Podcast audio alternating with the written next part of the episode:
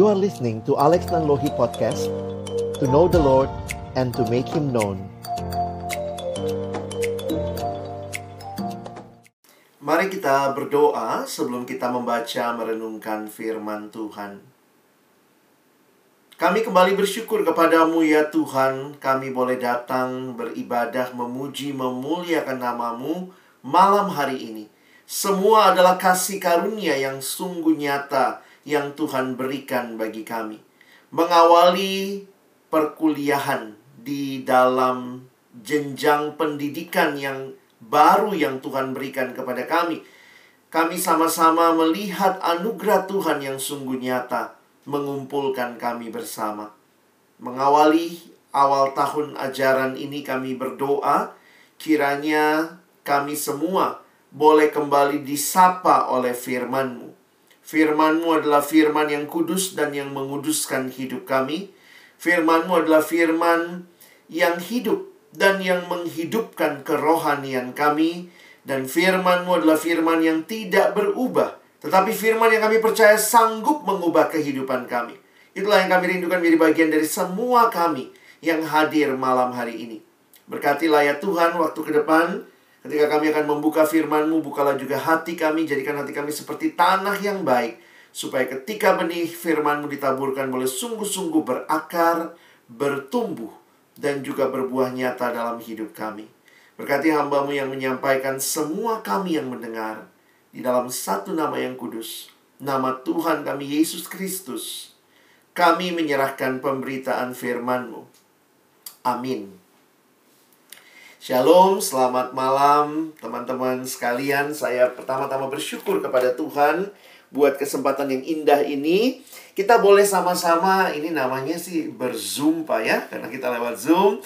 Bersyukur untuk teknologi yang Tuhan berikan sekalipun dalam pandemi yang belum selesai tetapi Tuhan tetap berkarya dan menyambut teman-teman secara khusus memasuki tahun ajaran yang baru. Di dalam tema yang diberikan kepada kita untuk kita renungkan malam hari ini adalah tema New Chapter in Me.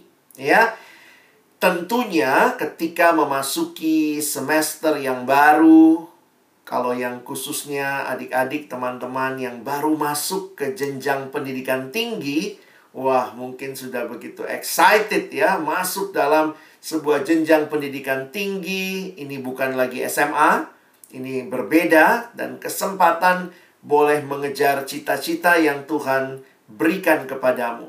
Tapi begitu lihat realitanya ya masih belajar online begitu ya. Dan tidak sedikit yang juga mungkin merasa begitu lelah dan capek dalam situasi seperti ini.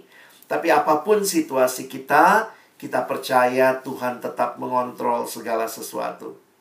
Di awal ini, uh, saya ingin kita bertukar kabar ya. Wah, ini gimana nih ya? Kita boleh saling bertukar kabar. Mungkin abang tanyanya sederhana aja ya uh, apa kabarmu hari ini? Ya, nah teman-teman gimana jawabnya biar gampang? Teman-teman coba lihat ya gambar di depan ini. Nomor berapa yang paling menggambarkan kondisimu, kabarmu saat ini? Ya, saya nggak tanya kemarin, lusa, tapi saat ini. Apa kabarmu? Ya, pilih satu nomor ya. Nah, kita boleh saling bertukar kabar, tidak saling menghakimi, tapi saling juga bisa memperhatikan satu sama lain. Silakan, saya tunggu satu menit ke depan. Silakan teman-teman jawab di kolom chat. Wah, Kak Memel udah mulai gitu ya. Wow, lagi ada di top begitu ya. Silakan teman-teman, apa saja yang mungkin kamu lihat, wah ini kayaknya aku banget ini ya. Ini saya nih, silakan. Nomor berapa yang paling menggambarkan kondisimu saat ini? Thank you buat yang sudah jawab gitu ya. Ada yang mungkin nomor 5 gitu ya, masih mager gitu ya. Udah ngantuk gitu. Nah, silakan. Thank you. 8, 10. Oke, 7 ya. Silakan teman-teman. Nah, kita bisa saling ingat ya bahwa ternyata memang kita nggak semuanya kabarnya sama ya. Nah, situasi ini membuat kita, yuk kita saling mendukung, saling memperhatikan, saling menyemangati. Thank you teman-teman yang udah sharing. Apa pun kondisi dan kabarmu, Mari sama-sama kita berdoa di dalam hati sepanjang firman diberitakan. Tuhan berikan konsentrasi yang baik buat kita ya. Thank you buat teman-teman yang sudah bertukar kabar. Dan hari ini kita mau bicara tentang sebuah kehidupan yang baru. Teman-teman yang dikasihi Tuhan, hidup yang baru. Apa sih hidup baru itu? Kekristenan berfokus kepada pribadi Yesus. Jadi memang sangat menarik memperhatikan siapakah Yesus ini yang kehadirannya di dalam dunia membagi dua dunia menjadi dunia dalam sejarah yang namanya before Christ dan after atau AD Anno Domini tahun Tuhan kita. Jadi kadang kalau pikir siapa sih Yesus itu yang kelahirannya menandai sejarah terbagi dua. Dulu sebelum Masehi, lalu sesudah Masehi atau masa Kristus, begitu ya. Tetapi yang menarik buat kita yang percaya bahwa kehadiran Kristus juga membelah dua hidup kita. Nah, itulah tema kita, New Chapter in Me, dan kita lihat sama-sama ayat yang menjadi perenungan kita. Hanya satu ayat, tapi Abang ingin kita belajar dari ayat ini dan melihat bagaimana hidup kita di dalam terang firman Tuhan ini. Mari kita baca sama-sama dengan mic yang tetap kalian tutup.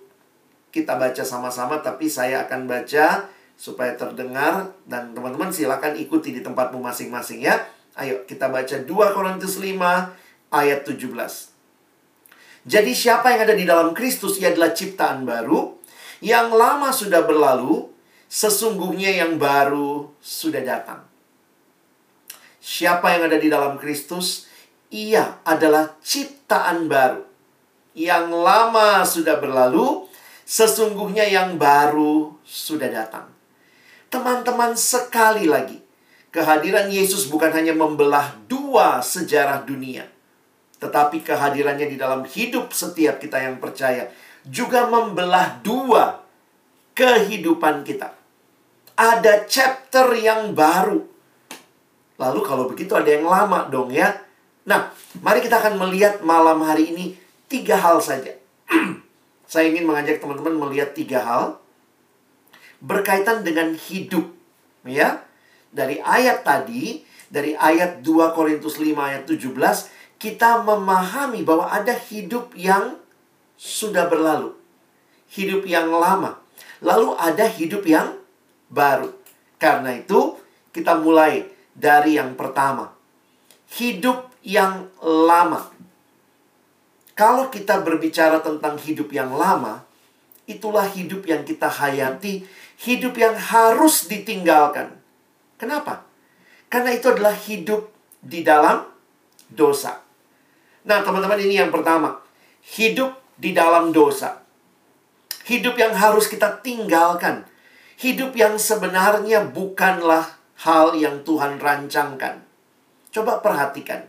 Ketika awalnya Allah menciptakan manusia, kita ini ciptaannya Allah. Apa maksudnya kita ciptaannya Allah? Berarti manusia bukanlah makhluk independen. Manusia bukan makhluk yang bebas menentukan apa yang dia mau. Tetapi sebagai ciptaan, kita bergantung kepada pencipta kita. Jadi sebenarnya, manusia yang dicipta Allah adalah manusia yang menemukan kepuasan sejatinya hanya di dalam penciptanya. Tetapi lihat realitanya bahwa dosa melanda kehidupan manusia.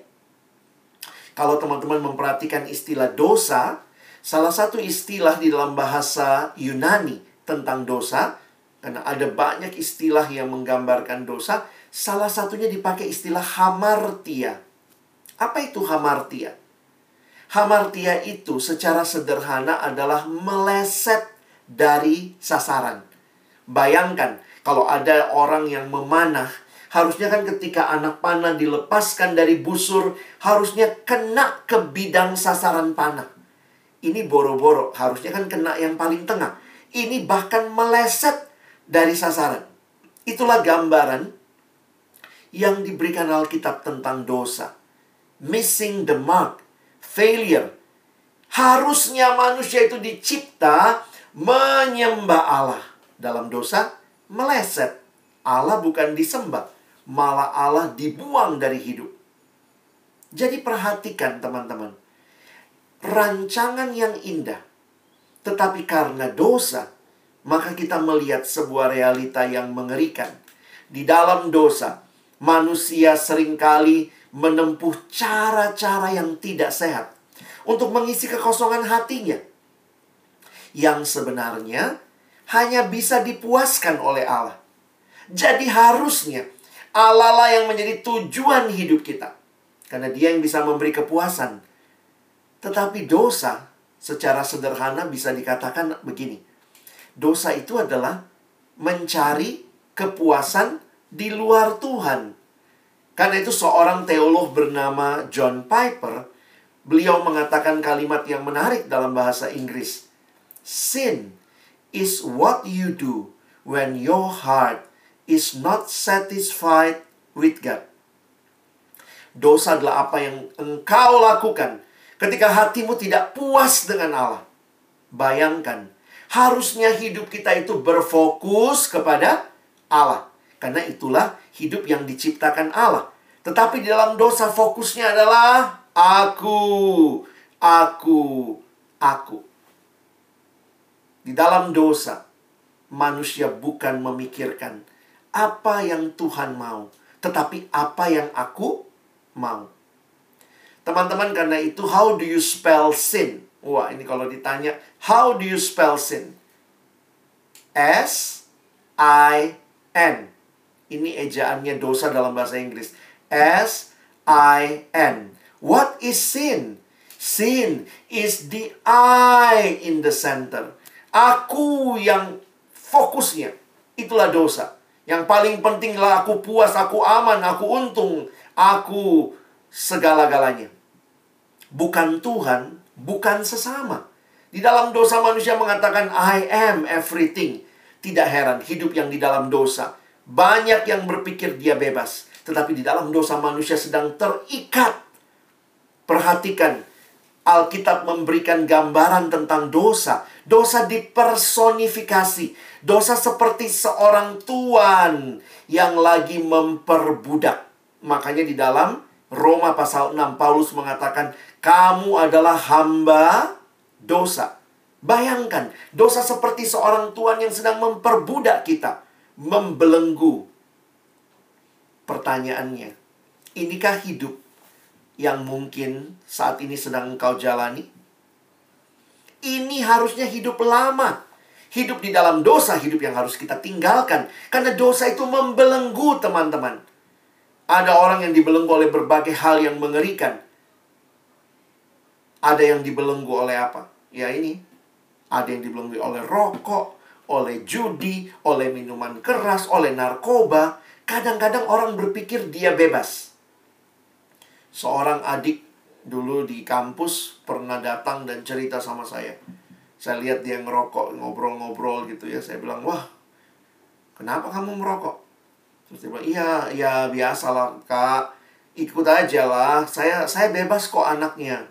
Saya ngerokoknya nggak nggak tergantung gitu ya. Terus saya bilang, oh begitu. Kalau gitu bagus dong. Tinggalin rokokmu. Aduh susah kak. Saya bilang, itu namanya terikat. Tadinya dia bilang dia bebas. Saya bebas kok kak. Saya bilang, ya udah kalau bebas tinggalin rokoknya. Aduh susah kak. Itu namanya terikat. Jangan berpikir ketika engkau lakukan itu kau merasa bebas. Tapi ternyata engkau terikat. Kadang-kadang saya suka mikir gini ya. Kita orang Kristen serius nggak sih sama Tuhan? Coba. Kadang-kadang kita ini ya. Coba kalau kamu jadi Tuhan. Coba bayangkan jadi Tuhan sebentar ya. Lalu umatnya gini. Tuhan doanya. Tuhan berikan kesehatan. Tapi rokok jalan terus. Gimana? Jangan mempermainkan Tuhan. Kadang-kadang kita minta sesuatu padahal kita sedang menikmati hal yang tidak seharusnya. Hati-hati. Ikatan-ikatan yang membelenggu kita itu seharusnya kita tinggalkan. Itu hidup yang lama. Tapi jangan-jangan itu menjadi kenyataan hidup kita saat ini.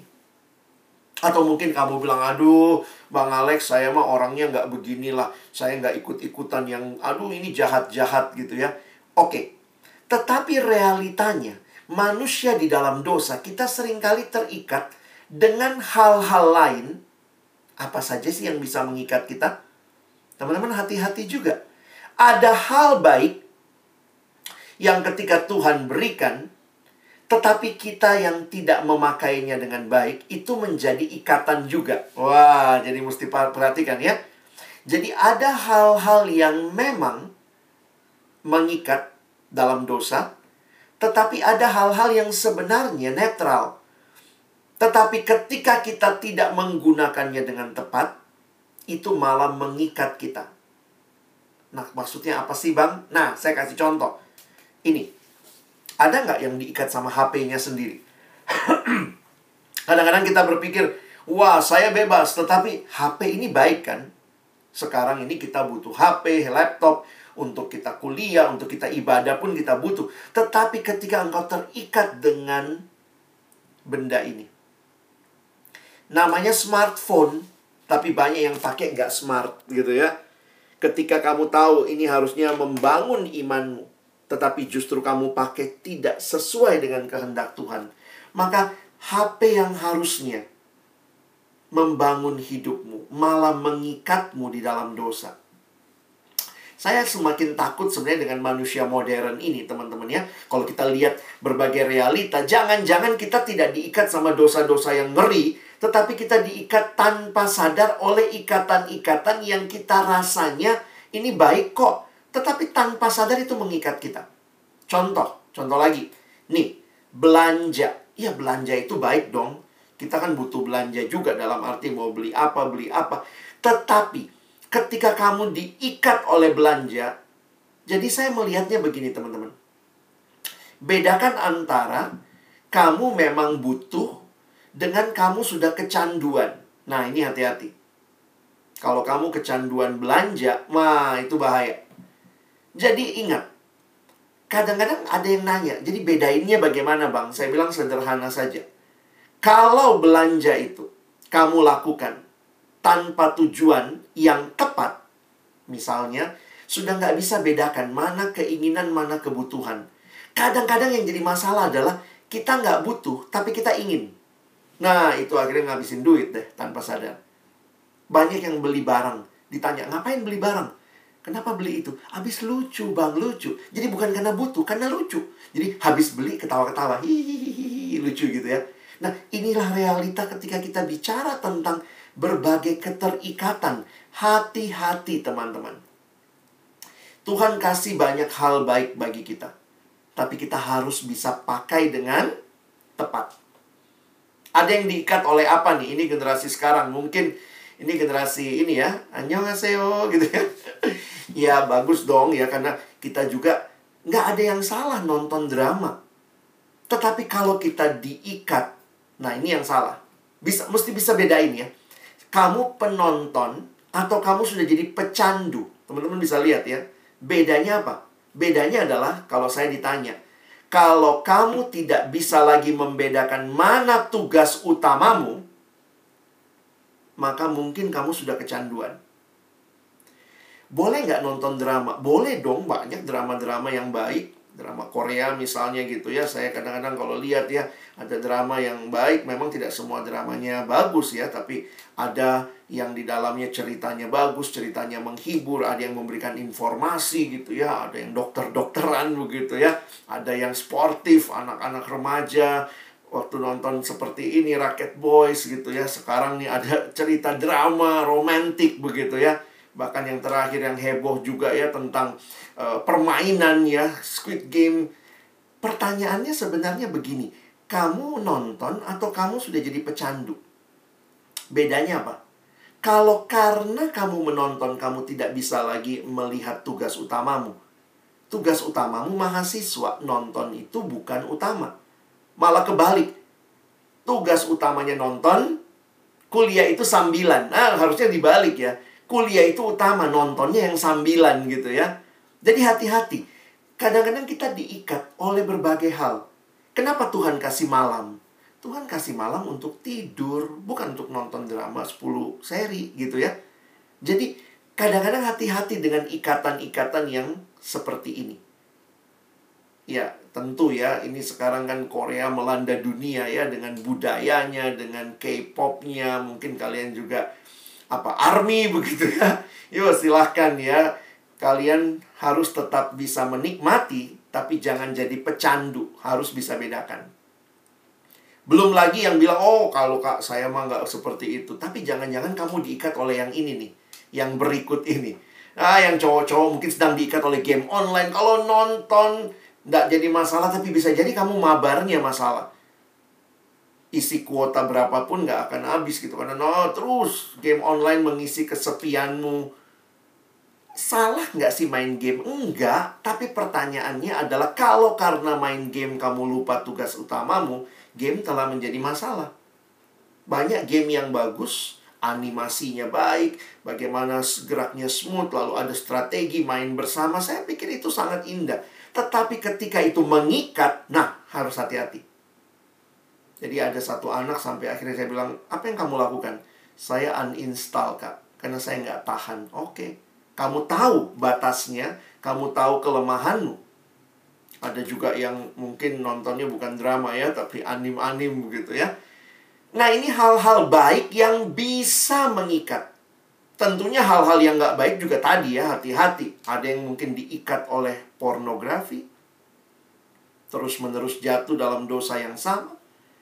Ada yang mungkin diikat oleh berbagai orientasi seksual yang tidak berkenan kepada Tuhan. Ada yang diikat oleh seks. Ini kehidupan yang mengikat kalau kita tidak benar-benar mengalami kebebasan dari Tuhan. Dosa punya sifat yang mengikat. Ingat baik-baik. Sifat utama dosa adalah mengikat kita. Teman-teman, kalau saya membayangkan ya, ada ada ilustrasi seperti ini ya. Kalau di padang gurun itu teman-teman malamnya tuh dingin sekali, siangnya tuh panas. Jadi ini tipsnya. Kalau di padang gurun misalnya lagi jalan lalu kemudian pas malam harus berkemah kan bikin tenda. Lalu biasanya orangnya tidur di dalam tenda yang hangat. Nah di luar kan dingin banget. Nah biasanya katanya unta itu suka ikutan masukin kepala ke dalam tenda. Nah, tipsnya teman-teman, kalau unta sudah mulai masukin kepala, cepat-cepat suruh dia keluar. Jangan kita, aduh kasihan dia dingin di luar. Jangan, dia unta. Dia punya mekanisme yang Tuhan kasih mengatasi cuaca dingin. Kalau dia masukin kepala, kita tidak usir keluar. Lama-lama dia masukin lehernya. Lama-lama dia masukin punuknya. Lama-lama dia masukin kaki depannya, dia masukin badannya, dia masukin kaki belakangnya. Nanti lama-lama unta di dalam tenda kamu yang di luar tenda. Hati-hati dengan dosa. Dosa menyusup perlahan-lahan. Kita nggak sadar tuh ya.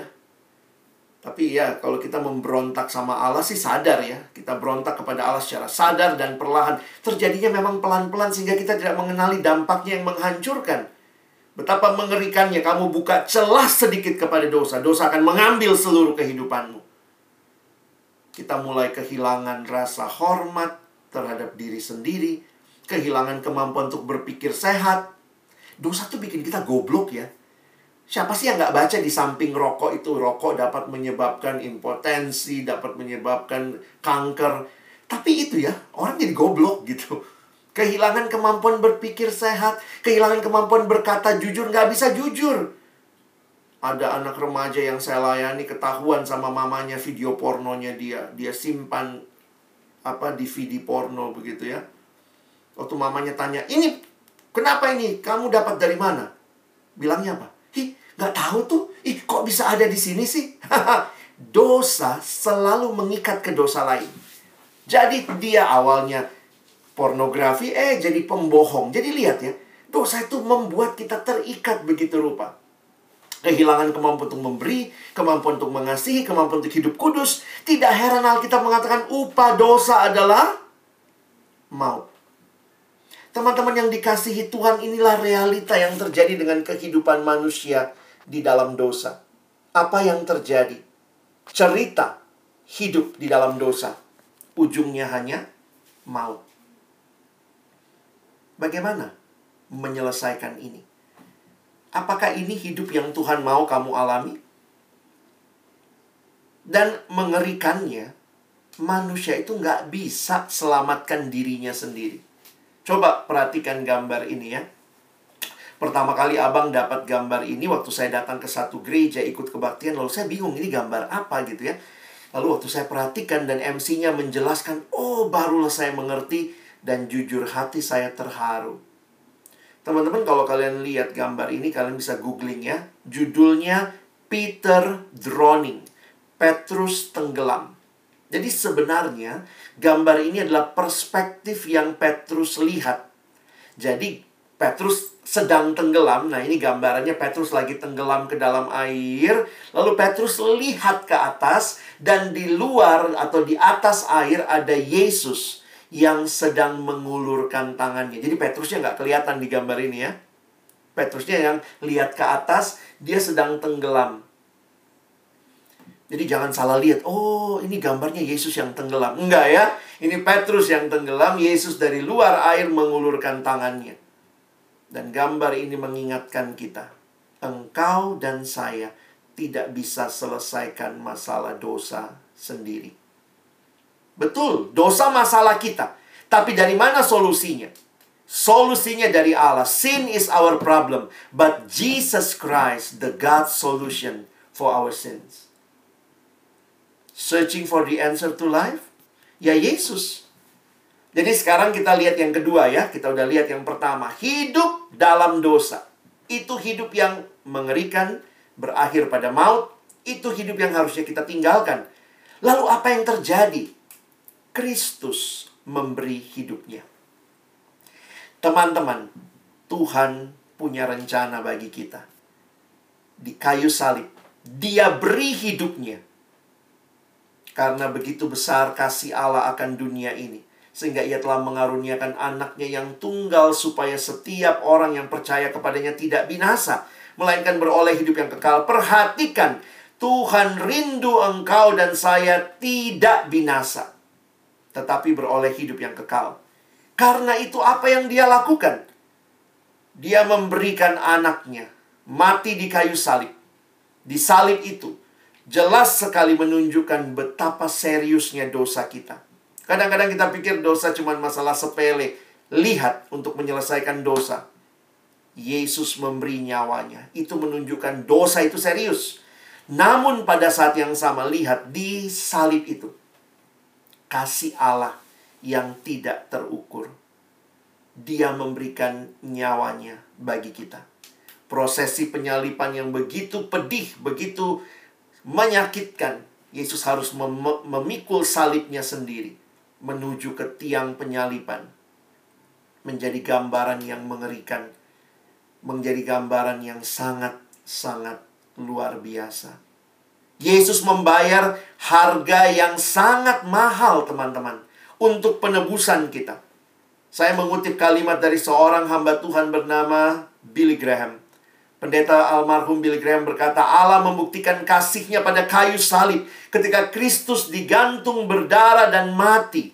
Itulah saatnya Allah berkata kepada dunia, Aku mencintaimu.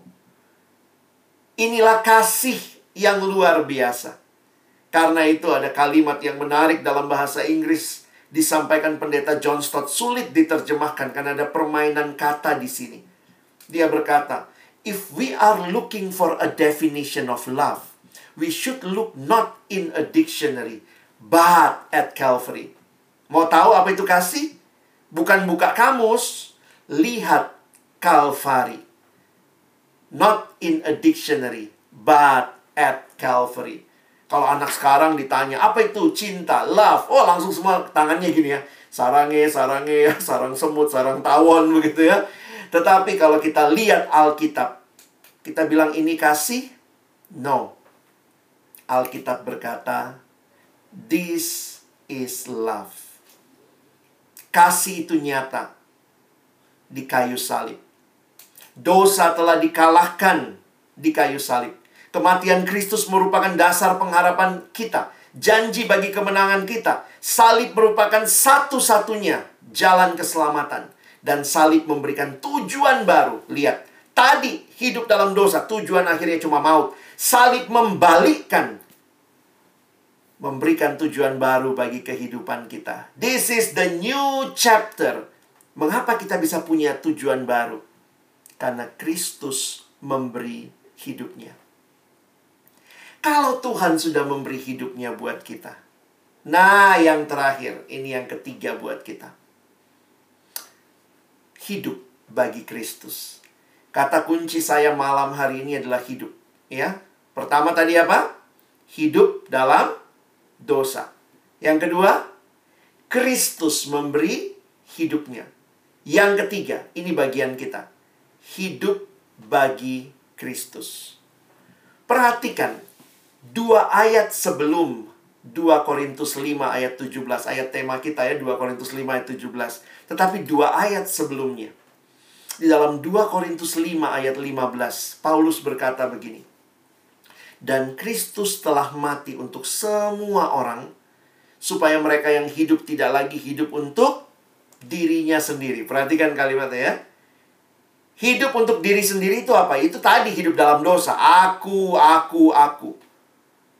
Tetapi karena Kristus telah mati supaya mereka yang hidup tidak lagi hidup untuk dirinya sendiri, tetapi untuk Dia yang telah mati dan telah dibangkitkan untuk mereka.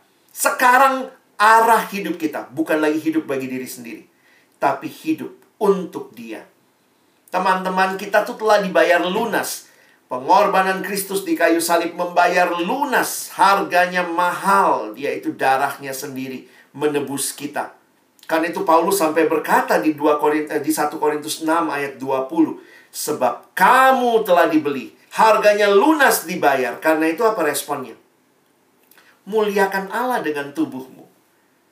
Kalau lihat gambar di kanan ini ya, ingat tubuh, ingat lagu sekolah minggu ya. Saya pikir itu lagu indah sekali. Kita udah sering nyanyi. Hati-hati gunakan matamu. Kayak Tuhan mau bilang, ingat loh, matamu sudah aku tebus. Bukan untuk lihat pornografi. Hati-hati gunakan matamu. Aku telah beri hidupku. Supaya sekarang kau hidup bagiku. Hati-hati pakai mulutmu. Hati-hati pakai telingamu.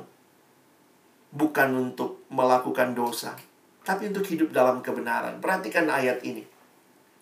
1 Petrus 2 ayat 24. Ia, yaitu Yesus sendiri, telah memikul dosa kita di dalam tubuhnya di kayu salib supaya kita yang telah mati terhadap dosa, apa tujuannya?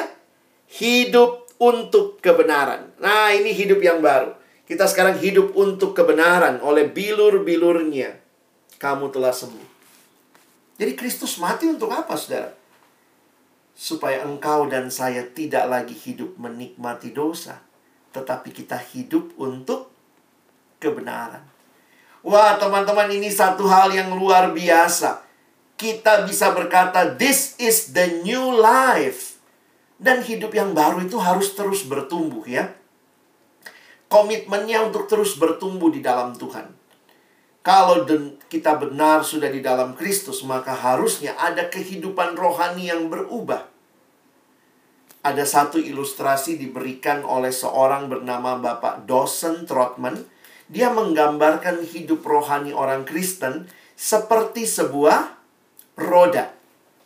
Menarik sekali, Pak Dawson Trotman mengatakan sama seperti roda, maka hidup orang percaya harusnya kalau kalian bayangkan roda ya, gambaran roda itu di pusatnya, kalau roda itu yang muter porosnya ya.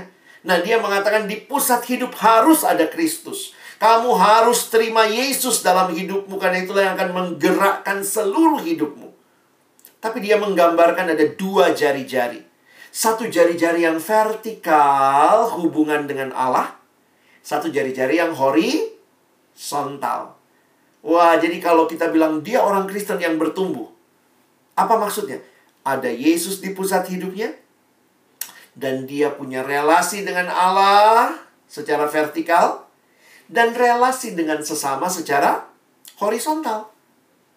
Coba, dengan Allah saya bicara kepada Allah di dalam doa. Allah bicara kepada saya di dalam firman. Makanya dari sekolah minggu kita udah belajar ya. Bagaimana bertumbuh adik-adik? Baca kitab suci. Doa tiap hari kalau mau tumbuh. Jadi lihat, ini yang Tuhan berikan.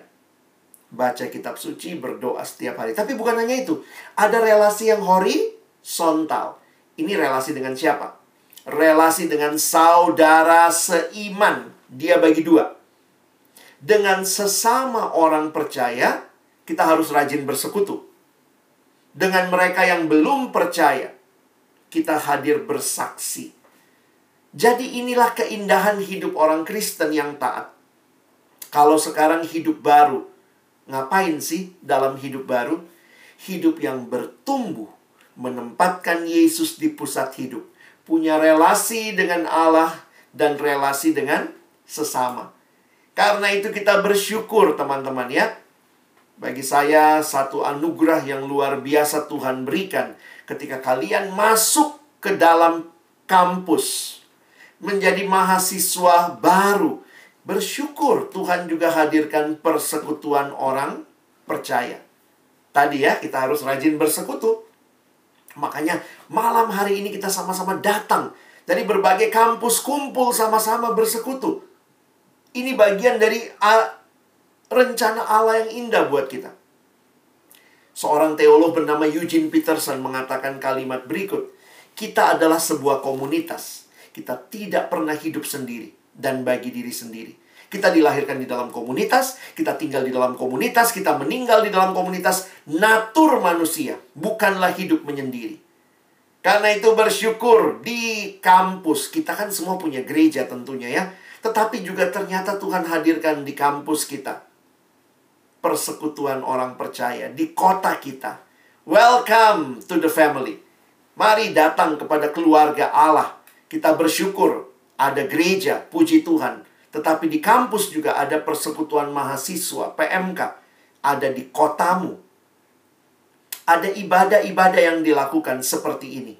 Dan ada KTB-KTB, kelompok tumbuh bersama kelompok-kelompok yang lebih kecil, di mana setiap anggota bisa sharing, bisa saling berbagi, saling mendoakan, dan terus bertumbuh di dalam Tuhan. Saya pikir kita harusnya jadi orang-orang yang memaksimalkan kesempatan ini. Abang keliling-keliling ke banyak kampus, termasuk juga ke beberapa kota di Indonesia. Saya baru sadar ya, iya ya, tidak semua kampus loh punya persekutuan Kalaupun kampusnya punya persekutuan, tidak semua kampus loh punya KTB. Makanya kalau kalian dapat kesempatan menikmati persekutuan, kalian diajak terlibat ikut KTB. Puji Tuhan. Ayo beri dirimu. Ibrani 10, 24 dan 25. Ayat ini mengingatkan kita tentang pentingnya bersekutu. Kadang-kadang ada orang yang mungkin karena nggak enak gitu ya. Tetapi kalau lihat Ibrani ini, Harusnya kita bersekutu bukan karena nggak enak. Kenapa datang kebaktian? Habis di kontak-kontak kakak itu. Dia terus, dia terus. Ah, datanglah. Tapi akhirnya engkau harus datang dengan kerinduan. Karena memang menyadari ini penting. Ya, teman-teman. Coba lihat. Ma Ibrani 10. Dan marilah kita saling memperhatikan supaya kita saling mendorong dalam kasih dan dalam pekerjaan baik. Ayat 25. Janganlah kita menjauhkan diri dari pertemuan-pertemuan ibadah kita seperti dibiasakan oleh beberapa orang. Saya waktu baca ini, waduh, dari dulu ada juga yang malas memang datang persekutuan ya. Seperti dibiasakan oleh beberapa orang. Tapi nasihatnya jangan menjauhkan diri. Tetapi marilah kita saling menasehati dan semakin giat melakukannya menjelang hari Tuhan yang mendekat. Kita punya persekutuan. Kita punya kesempatan ikut KTB nikmati itu. Ambil kesempatan itu. Katakan Tuhan, saya mau bertumbuh. Supaya apa? Supaya saya boleh hidup bagimu. Kau beri hidupmu bagiku, sekarang aku hidup bagimu. Bukan hidup sesuai dengan dunia. Aku mau hidup berbeda dengan dunia. Kalau kalian ingat ikan, katanya ikan itu teman-teman, ikan yang hidup seumur hidup itu akan berenang melawan arus. cuma ikan mati yang ikut arus. Wah, unik juga ya. Jadi kalau kita menjadi anak Tuhan, mari kita menjadi anak-anak yang boleh menyatakan kemuliaan Allah bagi dunia. Hidup barumu, kamu hidup bagi Tuhan, termasuk dalam studimu akan berbeda. Kamu tidak akan studi asal-asalan. Kamu tidak akan cari cara-cara gampang untuk dapat nilai tinggi. Kadang-kadang begitu ya, ada yang ini kita memang itu manusia berdosa itu manusia yang empang ya, maunya enak dan gampang. Jadi kadang-kadang belajarnya juga pakai sistem itu ya. Ada anak siswa kan, uh, abang sering ke siswa juga. Pertanyaannya gini, uh, iya bang, kita belajarnya juga pakai sistem ekonomi. Apa itu? Belajar sesedikit-sedikitnya nilai setinggi-tingginya. Gimana cara? Kalau kita mengerti hidup bagi Tuhan, maka cara belajar kita pun akan berbeda. Kita akan berjuang, belajar dengan baik, persiapan dengan baik, tidak nyontek, tidak curang. Kalau kita bergaul, kita akan bergaul dengan baik. Kita bukan bergaul mempermalukan Tuhan, tidak. Tapi kita bergaul mempermuliakan Tuhan. Karena kita hidup berbeda dengan dunia. Kita tidak mau jadi sama dengan apa yang dunia nyatakan.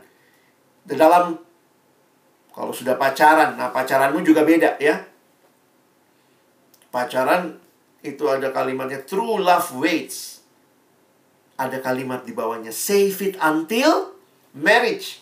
Itulah hidup yang harusnya engkau dan saya jalani karena ini hidup yang Tuhan rancangkan bagi kita. Bukan hidup dalam dosa, tetapi hidup di dalam Allah, hidup yang kita persembahkan kepada Tuhan. Teman-teman, ayat yang indah. 2 Korintus 5 ayat 17 malam ini kita refleksikan dalam tiga bagian. ya. Yang pertama tadi apa? Hidup dalam dosa, berakhir pada maut. Tapi luar biasa, Kristus memberi hidupnya. Supaya apa? Supaya engkau dan saya sekarang hidup dalam hidup yang baru. Dan kita sekarang hidup bagi Kristus. Teman-teman yang dikasihi Tuhan di akhir khotbah ini saya ingin mengajak kita refleksi sebentar ya. Meresponi firman. Kadang-kadang kita dengar banyak firman kita tidak sempat meresponi. Malam hari ini mari kita responi firman Tuhan. Ini katanya generasi GPS kalian ya. Posisi sangat penting. Oke, sekarang cek posisimu. Send locationmu ya kamu masih hidup dalam dosa atau kamu mau hidup dalam Kristus. Teman-teman yang dikasihi Tuhan, bagaimana mengalami hidup baru? Bagaimana meninggalkan hidup dalam dosa? Maka mulailah dengan langkah yang paling awal. Buka hatimu, terima Yesus di dalam hidupmu. Teman-teman dulu abang juga nggak terlalu ngerti ya. Apa sih terima Yesus? Saya soalnya dari kecil Kristen. Jadi saya merasa ya saya sudah terima Yesus. Tetapi ternyata saya belum pernah menjadikan dia satu-satunya Tuhan dan Juru Selamat yang utama dalam hidup saya. Di dalam perenungan saya, saya jadi mengerti apa itu terima Yesus.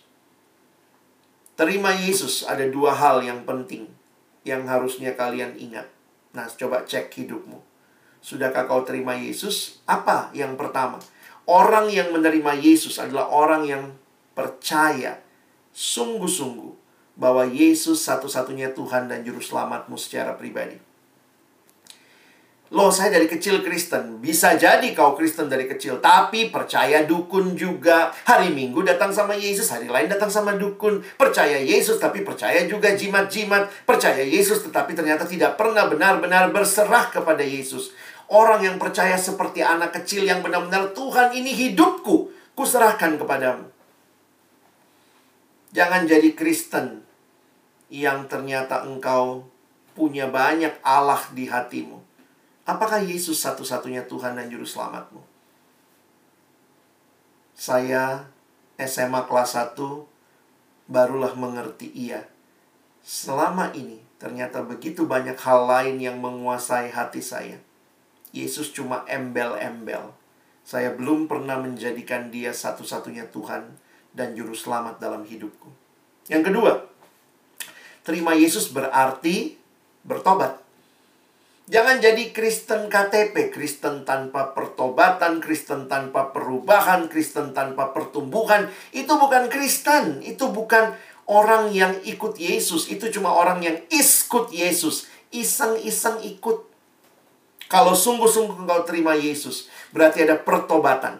Paulus menggambarkan seperti ganti baju. Dia pakai istilah ditanggalkan. Efesus pasal 4, ada yang ditanggalkan, tapi kemudian ada yang dikenakan. Jadi orang yang terima Yesus dia percaya, tapi juga pertobatan, ada perubahan hidup. Ada sikap yang baru terhadap dosa. Mazmur 32 ayat 5. Pemasmur berkata, "Dosaku kuberitahukan kepadamu, dan kesalahanku tidaklah kusembunyikan. Aku berkata, aku akan mengaku kepada Tuhan pelanggaran-pelanggaranku, dan engkau mengampuni kesalahan karena dosaku." Dosa bukan lagi hal yang kita nikmati. Masih bisa jatuh dalam dosa nggak? Masih bisa. Betul. Tetapi bukan hal yang kita nikmati. Karena hati nurani kita akan selalu berkata tidak semestinya seperti ini. Hidup di dalam kebenaran. Itu harus jadi tujuan kita. Kita harus berkata yes to God, no to sin. Jangan kebalik ya. God, no. Sin, yes. Oh, itu mah nggak benar. Kalau dibilang God, yes. Sin, no. Itu arah hidup kita yang baru. Ada komitmen untuk serius berubah. Teman-teman yang dikasihi Tuhan, di akhir khotbah ini, izinkan saya sebagai hamba Tuhan memberikan beberapa pertanyaan untuk engkau jawab di dalam hatimu. Teman-teman, saya terbatas melihat engkau tetapi Tuhan melihat dan mengenal setiap kita. Tuhan melihat hatimu yang terdalam. Karena ini malam, karena itu malam hari ini Abang ajak teman-teman meresponi firman Tuhan. Kalian tidak meresponi saya. Kalian tidak meresponi panitia. Kalian meresponi Tuhan yang tahu hatimu. Izinkan saya sebagai hamba Tuhan memberikan pertanyaan yang kalian jawab di hadapan Tuhan. Teman-teman yang dikasihi Tuhan. Siapa yang malam hari ini setelah dengar firman berkata, "Tuhan, di sini saya." Selama ini saya hidup menikmati dosa. Tapi malam hari ini saya mendengar berita bahwa di dalam dosa hanya ada maut. Tetapi malam hari ini saya juga mendengarkan bagaimana Kristus telah memberikan hidupnya. Dan saya mau buka hati saya malam hari ini. Saya mau terima engkau sebagai satu-satunya Tuhan dan Juru Selamat. Saya mau bertobat meninggalkan dosa. Dan saya mau hidup bagi Allah. Jika ada adik-adikku yang malam hari ini mau buka hatimu terima Yesus Abang rindu mendoakan keputusanmu. Jika ada adik-adik yang malam hari ini membuka hatinya terima Yesus untuk pertama kalinya, mungkin kau seperti saya, dari kecil Kristen tapi Kristen KTP tanpa pertobatan, tanpa perubahan, Kristen yang menikmati dan bermain-main dengan dosa. Tapi ketika saya sadar Roh Kudus memberikan keyakinan, saya harus buka hati terima Yesus dan saya masuk dalam hidup baru. Maukah engkau juga malam hari ini buka hatimu, terima Yesus. Jika ini menjadi keputusan teman-teman, sekali lagi abang rindu mendoakan keputusanmu. Di tempat masing-masing, jika engkau mengambil keputusan terima Yesus, sebagai simbol, taruhlah tangan kananmu di dadamu. Kalau kalian mau buka kameramu, sehingga saya bisa lihat kamu, saya bisa doakan. Kalau sulit tidak apa-apa. Tetap dengan kamera yang tertutup tapi benar-benar di hadapan Tuhan. Buka hatimu. Terima dia sebagai satu-satunya Tuhan dan Juru Selamatmu. Sebagai simbol, taruhlah tangan kananmu di dada, dan saya akan berdoa bagi keputusanmu. Mari berdoa. Malam hari ini di hadapan Tuhan, kami sadar betapa hidup yang selama ini kami jalani, hidup yang mendukakan Tuhan, hidup dalam dosa yang berujung kepada maut. Tetapi berita Injil, Yesus Kristus datang supaya kami tidak binasa tapi beroleh hidup yang kekal dan kau berikan nyawamu bagi kami. Kau berikan hidupmu bagi kami agar kami yang harusnya mati malah hidup Tuhan. Terima kasih banyak. Malam hari ini Tuhan lihatlah adik-adikku yang buka hati terima Yesus untuk pertama kalinya. Mereka yang menaruh tangannya di dada mereka sebagai simbol mereka menyerahkan hidup dan hatinya dipimpin oleh Tuhan. Malam hari ini, terimalah setiap hati yang membuka diri mereka di hadapan Tuhan. Sekarang mereka milikmu Tuhan, peganglah mereka. Tolong mereka untuk meninggalkan dosa-dosa dan hidup hanya bagi Allah. Tolong mereka boleh bertumbuh serius untuk hidup di dalam Engkau. Terima kasih banyak Tuhan. Hamba menyerahkan adik-adikku ini untuk dipimpin oleh Tuhan. Di dalam nama Tuhan Yesus kami menyerahkan adik-adik kami. Pertanyaan saya yang kedua. Mungkin engkau berkata, saya sudah pernah terima Yesus. Bagi adik-adikku yang sudah pernah menerima Yesus sebelumnya, maka malam hari ini engkau tidak perlu terima Yesus kembali karena dia tidak pernah meninggalkanmu. Tapi malam hari ini, Ketika firman telah kamu dengar, mungkin Tuhan mau kau kembali rekomitmen. Membaharui lagi komitmenmu. Bagi kalian yang sudah pernah terima Yesus, tapi malam hari ini, engkau mau kembali dibaharui dalam Tuhan. Karena mungkin setelah engkau terima Yesus, kau kembali lagi jatuh dalam dosa-dosa yang lama. Yang tidak menyenangkan Tuhan. Dan malam hari ini Tuhan kembali memanggilmu. Tinggalkan dosa dan hidup bagiku bagi adik-adikku yang mengambil keputusan untuk dibaharui malam hari ini. Saya juga akan mendoakan kalian. Taruhlah tangan kananmu di dada dan kita berdoa bersama. Bapak Surgawi sekali lagi menyerahkan adik-adikku yang malam ini. Sungguh merindukan hidup mereka bagi Tuhan.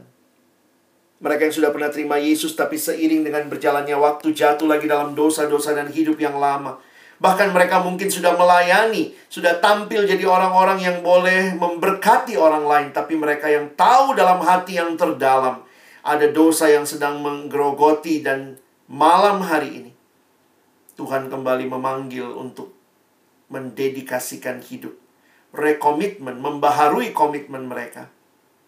Tuhan terimalah penyerahan diri teman-teman kami. Setiap kami yang membuka hati dan berkata, "Tuhan, baharui saya.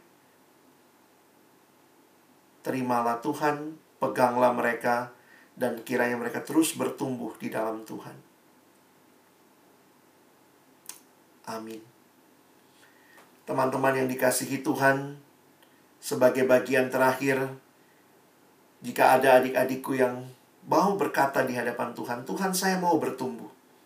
Saya mau beri diri, dibina dalam KTB, saya mau ikut ibadah-ibadah, tidak cari-cari alasan, tidak lari kalau ada ibadah. Tapi boleh menyerahkan diri untuk dibangun di dalam Tuhan. Abang juga rindu mendoakan keputusanmu. Jika ini keputusanmu, mari dengan hati yang terbuka di hadapan Tuhan. Kita datang dan berserah sama-sama. Saya akan menutup di dalam doa juga untuk firman Tuhan malam hari ini. Mari kita berdoa. Tuhan engkau melihat setiap adik-adikku yang hari ini juga berkata, Tuhan mereka mau bertumbuh, mau dibangun di dalam Tuhan, mau setia dalam ibadah-ibadah yang ada, mau sungguh-sungguh terlibat dibina di dalam KTB-KTB yang disediakan. Tuhan kuatkan dan teguhkan. Hamba sungguh berdoa, biarlah setiap komitmen yang kami ambil malam hari ini bukan di hadapan manusia, tetapi di hadapan Allah yang tahu hati kami yang terdalam Hidup kami bagimu untuk kemuliaanmu. Sekali lagi bersyukur untuk waktu ini. Terima kasih untuk setiap hati yang boleh terbuka di hadapan Tuhan. Teguhkanlah keputusan kami untuk kami hidup bagimu. Karena ini adalah the new chapter in me. Kami bersyukur, kami berterima kasih. Kami menutup firman Tuhan dalam nama Yesus kami berdoa. Amin.